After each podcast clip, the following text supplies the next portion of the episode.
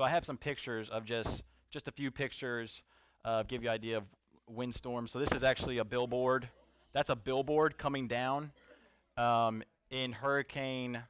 Uh, I wish I could remember. I think that's Hurricane Sandy. Um, but that billboard is obviously crashing down because of the winds. Uh, next, next picture. This is some storm surge. This is um, this is in New England. Can you believe that? Um, during a when a hurricane went, I think it was a hurricane went up towards the east, northeast coast. So that's that's some insane storm surge waves hitting those houses. Um, and for it to be in New England is even crazier. Powerful wind. Okay, next this is a this is a satellite view of Hurricane Florence, which came through this past year, through um, North Carolina, South Carolina, right there. You just see how, like the size of Georgia, like look at the size of Georgia, then look at the size of that storm. Just like massive, massive storm. Um, so these storms, tons of wind, obviously, hurricane force winds, incredibly powerful, humongous waves, storm surge, and it just gives you a glimpse, a, a glimpse, and the- the storm in the scripture we're going to read today is likely not a hurricane, but it just gives you a glimpse of storms out on the water that involve water are pretty serious. They're powerful, they're dangerous, they're vicious. And here's what we are going to discuss tonight is that Christ has all authority over every one of these storms. Christ commands these storms to happen. Like he is in charge of the wind, he's in charge of the waves, he's in charge of the hurricane.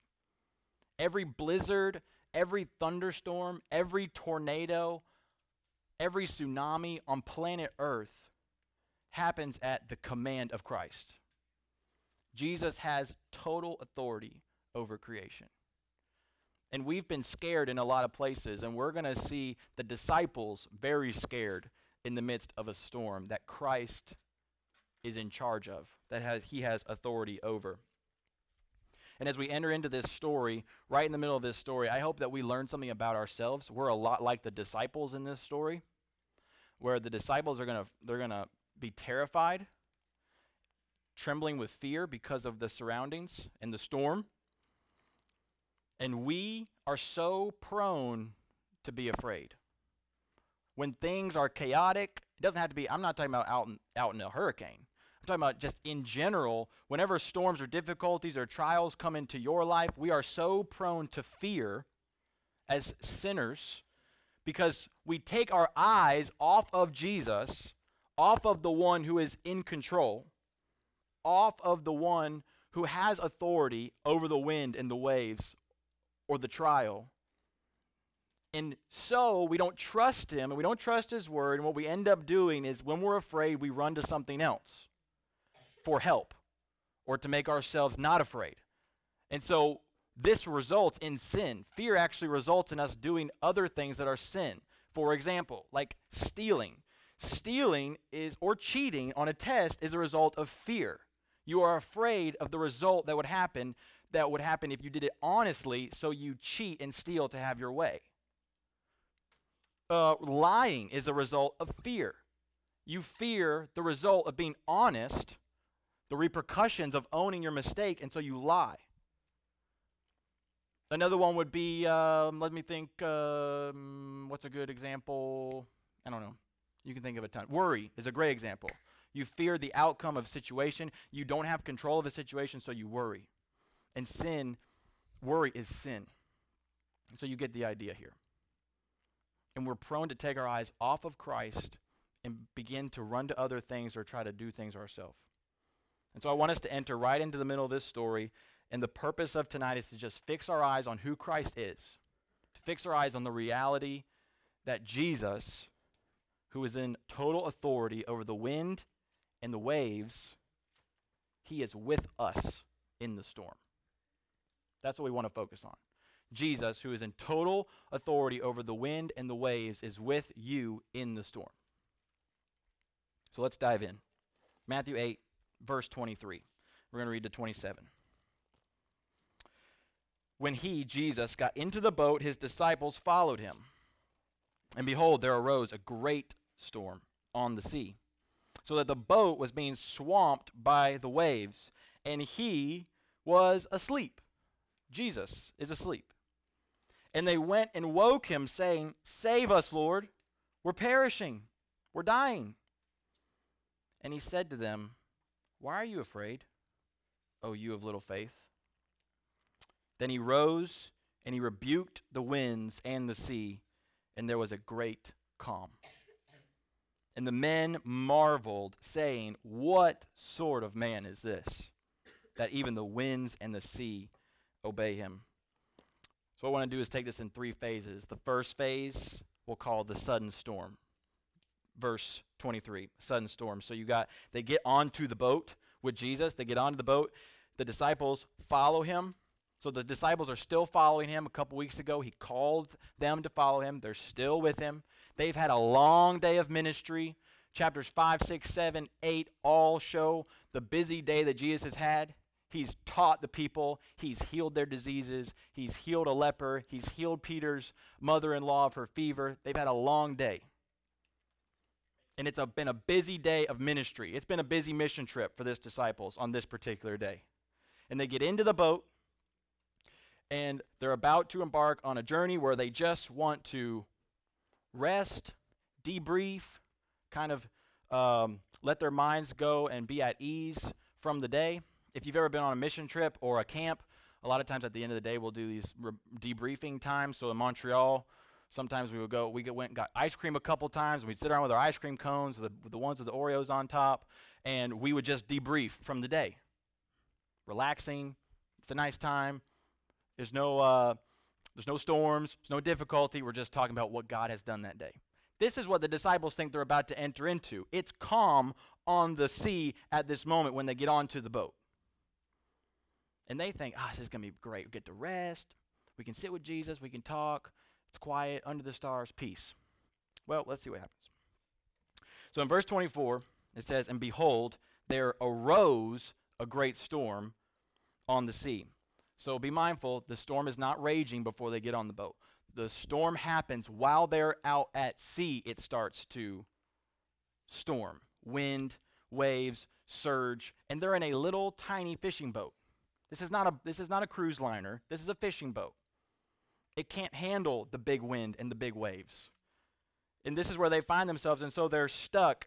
And Jesus did not have in mind when they went onto the boat, he does not have in mind that they're going to go out there and debrief over Ben and Jerry's. When they go out there, he has in mind a storm for them. And when you follow Jesus, you can expect storms and you can expect difficulties to arise in your life. Following Christ is not easy. When you sign up to follow Jesus, you enter into a life of storms. And the thing about this storm is that they did not expect it to come. And when we follow Christ, we can expect that unexpected storms are going to arrive in our life. We don't know when they're going to come, but we can expect that they will come.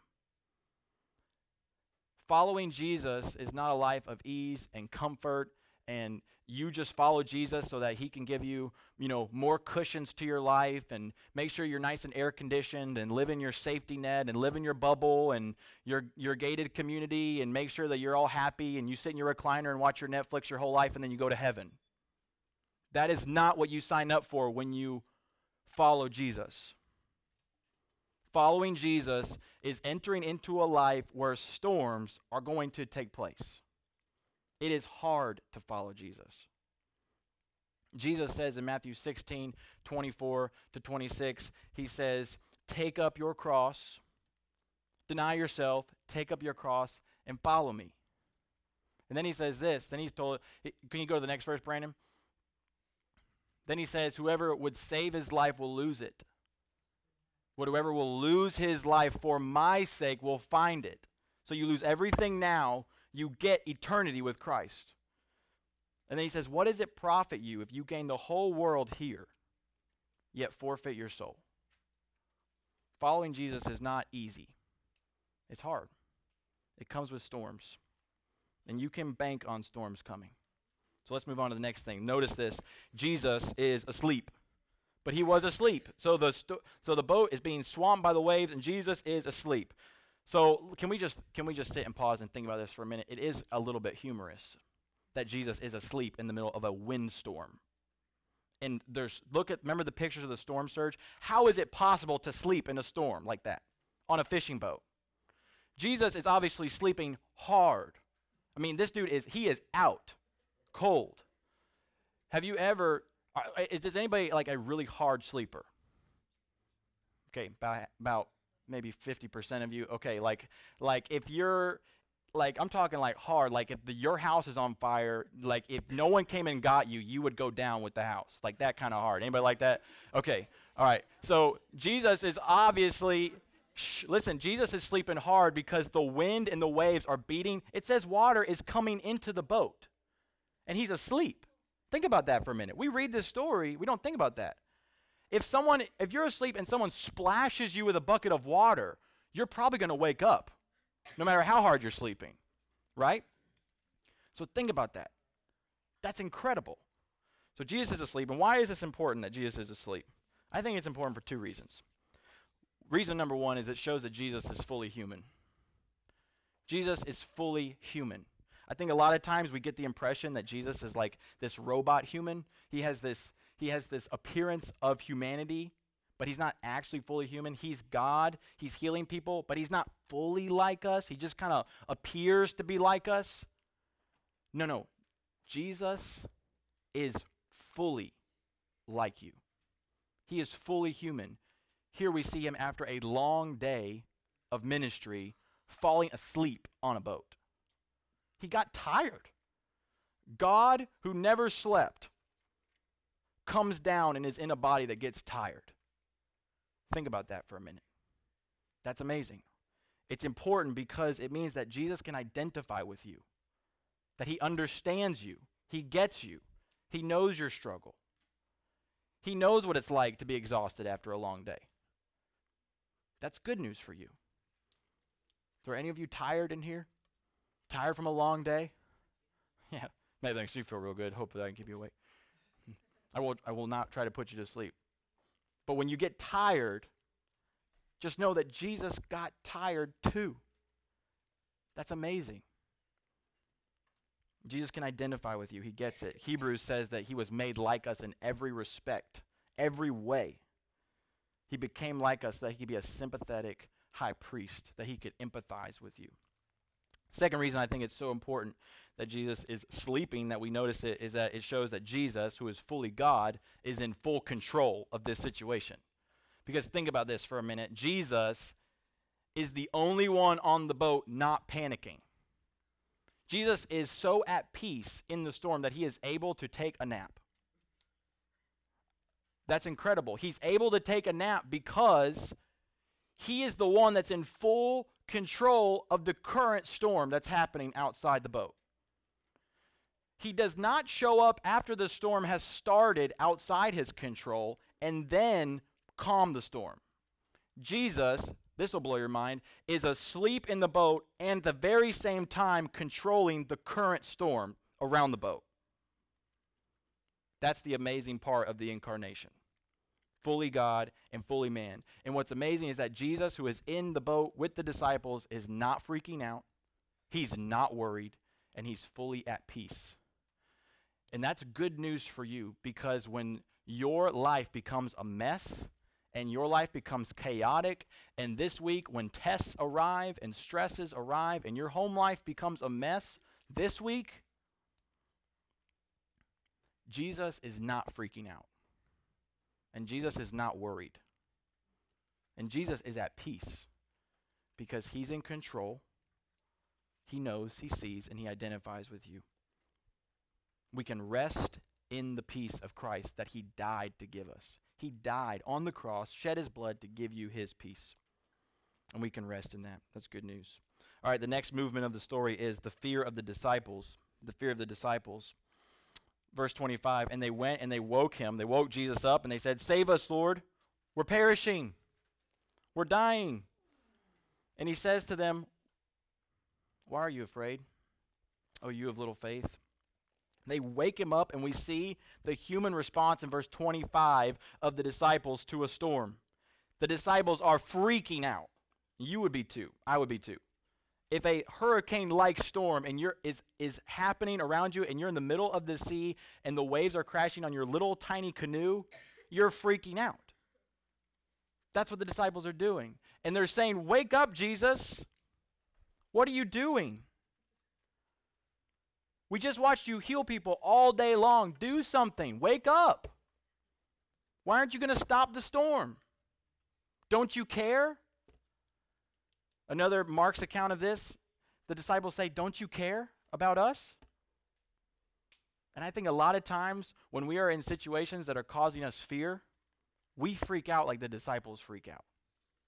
And our mind runs to worst case scenario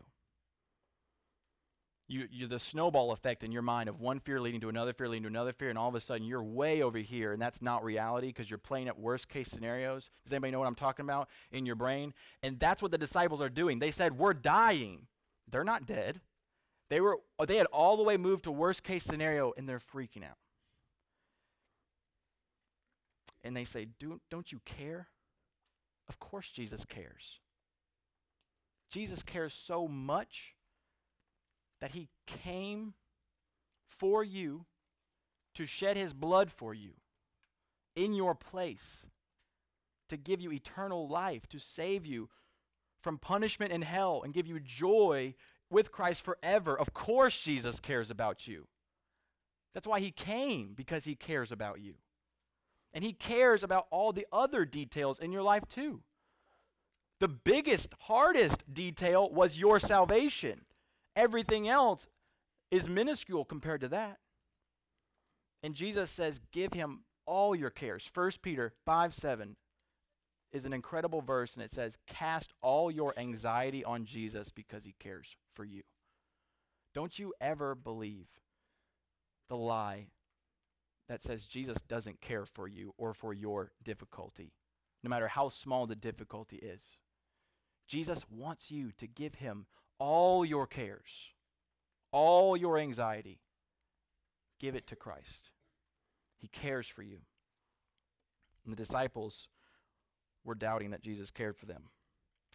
The next thing I want you to see, not the next point, but just the next part of this little moment here, is that fear is always caused by a lack of faith in the promises of Christ. Look what Jesus said to them. Jesus said in verse 26, He said, Why are you afraid? O you of little faith. Now, this is not an insult by Jesus. He's not insulting their faith. This is a tender, gentle arm around the shoulder, trying to help them put their faith in Christ where it needs to be. He says, Why are you afraid, O you of little faith? So, even right in the storm, Jesus does not want us to be afraid. So, let me ask you what are you afraid of today? Like right now, as you sit in the room, what are some fears that plague your week in your mind? Maybe it's a nagging, a nagging sin that's awaiting you when you get home that you're struggling to shake. Maybe it's the sickness that won't go away, or you know someone who is ill that's close to you. Maybe you've lost someone recently. Maybe you've broken a friendship that you have has broken, and it's a mess and it's stressful. Maybe your parents aren't getting along, and that is so stressful for you. And the last place you want to go is home. Maybe there's pressure, there, the pressure of life on social media is great, and it causes anxiety and stress and depression. That's real. Maybe you're persecuted for your faith. You're living out your Christian walk and you are being mistreated for it. Also real. Maybe school is just stressing you out. School is school. Am I right about that? It's always there. It'll be there tomorrow. I guarantee it. It's always there. It's waiting for me when I get home. So I'm with you. School is school. It's always there. And it's a real fear and it's a real stress. Maybe some of you have been wrestling with doubt. Been there. Years. Been there. And it's a real fear that you have. Maybe you just don't know what you want to do with your life. Maybe you're you're older, some of these kids right here, and you don't know what you want to do with your life. And you got you got real fears about the next 5 to 10 years. Jesus sees. Jesus knows. Jesus cares. And he's with you in the boat. The one who calms the sea is with you in the boat. And he does not want you to be afraid. And he says, "Oh, you have little faith." And so this this little phrase, "Oh, you have little faith," shows us where our fear comes from. It comes from a lack of faith in the one who calms the storm. It comes from a lack of faith in the one who has all authority over the wind and the waves. And a lack of faith, not just in who he is, but a lack of faith in his word, in his promises. Every time you fear, it's because you don't take God at his word, that he's going to actually do what he says he will do. And God took on flesh and went to the cross. So the one who calms the wind and the waves, who is in all control, went to the cross and shed his blood for you and rose for you so that you could have his promises to hold on to, to fight fear with the promises of Christ. You should fight fear with the promises of Christ. Because God cannot lie to you in this book. And so, if you are a believer, all of God's promises in the Bible are for you. All of God's promises for his people in Scripture are for you. And listen, if you are an unbeliever in the room, that is not true of you. And that's hard to hear. The promises of Scripture for God's people are unique for his people. And Jesus, so when Jesus goes to the cross for you, he is literally purchasing for you all of his promises to give to you. Does that make sense? Let me give you an example. Let me read you some promises that are for you and not for everyone. And that Jesus died to give you. All things work together for good Romans 8:28. That's unique to you. The Lord your God is with you wherever you go. Joshua 1 9. That's yours and it's unique for you. God is for you. That has massive implications, and it is for the believer. There is no condemnation for you. Romans 8. No condemnation for you as a child of God. Nothing can separate you from God's love. Romans 8:39. God will supply every need of yours according to his riches in Christ Jesus. Every need of yours. For the believer, for those who have repented of sin and believed on Christ for salvation. All of these promises are yours, and we use them to fight fear. We use them to grow our faith in Christ. Sometimes God will bring a storm into your life just so that you will learn to trust Him and His promises. And when you trust Him and His promises, He is going to make you like Christ. That's the goal of your life is to become like Jesus. And we do it by leaning into the promises, banking your life on God's word. This is good news for you. If you're not a follower of Jesus, what are you waiting for? I mean, give, give yourself to Christ. Surrender your life to Christ. Repent, believe, and surrender your life to Jesus. He is waiting for you. He opens up his arms and he wants to give you all of these promises and life and hope forever forgiveness of sin, and hope and joy, and give you peace. Let's move on to the third phase. Last phase the authority of Christ. It says, Then he arose, in verse 26, then he arose and he rebuked the wind and the waves. and there was a great calm. So Jesus speaks to his creation, and the creation obeys him. Think about that for a minute. The next time a storm happens, you should walk out your front door and look at the storm and say to it, Stop. You'll look pretty stupid. Stop, storm.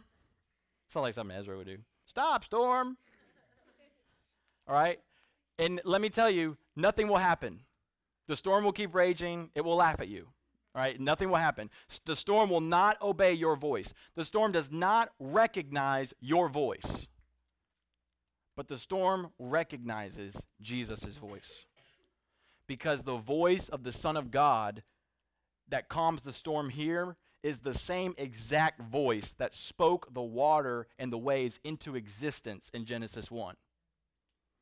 So the same exact voice that created the wind and the waves is with them in the boat. And so when the same voice of the Son of God says, Be still, storm, it obeys in an instant. Creation obeys immediately. There is no delayed obedience to God's voice in creation. We are prone to delayed obedience. Creation is not. When God speaks in creation, it happens. Period. Think about that and just be amazed at how amazing and powerful Christ is. And so when this happens, when Jesus looks at the storm and rebukes it and stops it, the disciples are going, What just what did we just see? What just happened? This dude was napping and he just woke up, talked to the storm, and it stopped. And we thought we were about to die. That's the kind of power Jesus has. And what Jesus is doing in this moment is that he is revealing that he is no ordinary man, that he is God himself to these disciples. Because they would have known their Bibles pretty well as Jews, and they would have remembered that God is the one that talks to the storm, God alone, and he controls the storms and the waves and the wind and all creation. Psalm 148 says this. They might have been familiar with this. Praise the Lord from the earth, you great sea creatures and all deeps, fire and hail, snow and mist, stormy wind fulfilling his word. Job 26, 12. By his power he stilled the sea. So when you got a man saying to the sea, Be still, it can only mean one thing He's God. And this is bringing great comfort to them because the one who is God and has all authority is with them in the boat. So every single thing that happens in creation, every raindrop that falls in Midlothian and every raindrop that falls in the Amazon is at the command of Christ. And we need to be blown away by that. It says, and there was a great calm. It stopped in an instant. In the last verse, 27, it says, And the men marveled, saying, What sort of man is this, that even the wind and the sea obey him? And I just want us to look at this verse, look at that word marvel, and I just want you to marvel at who Christ is. What does that word mean, marvel? It just means be blown away. You know the mind blown emoji? You know what I'm talking about? the that's what marvel. Just be blown away at who Christ is. Jesus commands creation and it listens to him. That is insane. We just act like it's no big deal. We read our Bibles, we treat it like it's stories, and we just don't marvel. You won't be changed into the image of Christ if you don't marvel at Christ. It's not going to happen. You're not going to fight sin if you're not amazed at who Christ is. You're not going to serve your church if you're not marveling at who Christ is. You're going to have dead hearts in this room on Wednesday nights if you don't marvel at who Christ is. We need to marvel at Christ because the one who calms the storm and is in, in, in, total control and supreme over everything is with you at all times. He's with you in the boat, in the storm. And so when they say, Who is this? Who, who, what man is this? It's the one who calmed the sea, the same one who calmed the sea is the same one who went to the cross and died in your place. The same exact one. And he rose in your place to give you life. And he longs for you to follow him. He longs for you to believe on him, believer and unbeliever alike. If you're in here, you're new to church, I'm so glad you're here. You're in here, you don't really care that much about being here, I'm so glad you're here. Believe on Jesus. Repent of your sin if you've never trusted Christ. Surrender your heart to him and follow him in faith. And he will bring peace. He will bring great calm to your sinful, chaotic heart. And then from every storm till eternity, he is with you in the boat. And believer, you're in here, run to the promises of Christ to fight your fear. Because your life is going to be filled with one storm after the next, after the next. And the only way you will fight fear is by marveling at Christ and trusting in His Word. And be thankful that the storm is making you trust God's Word.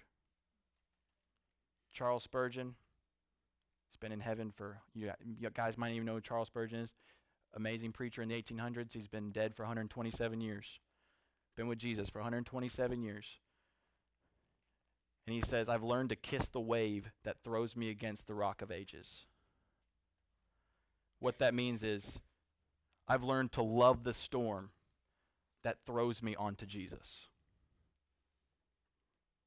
We need to love the storm that throws us onto Jesus so that we can marvel at him, trust his word, and become more like him. Jesus is with you in the boat. Let's pray.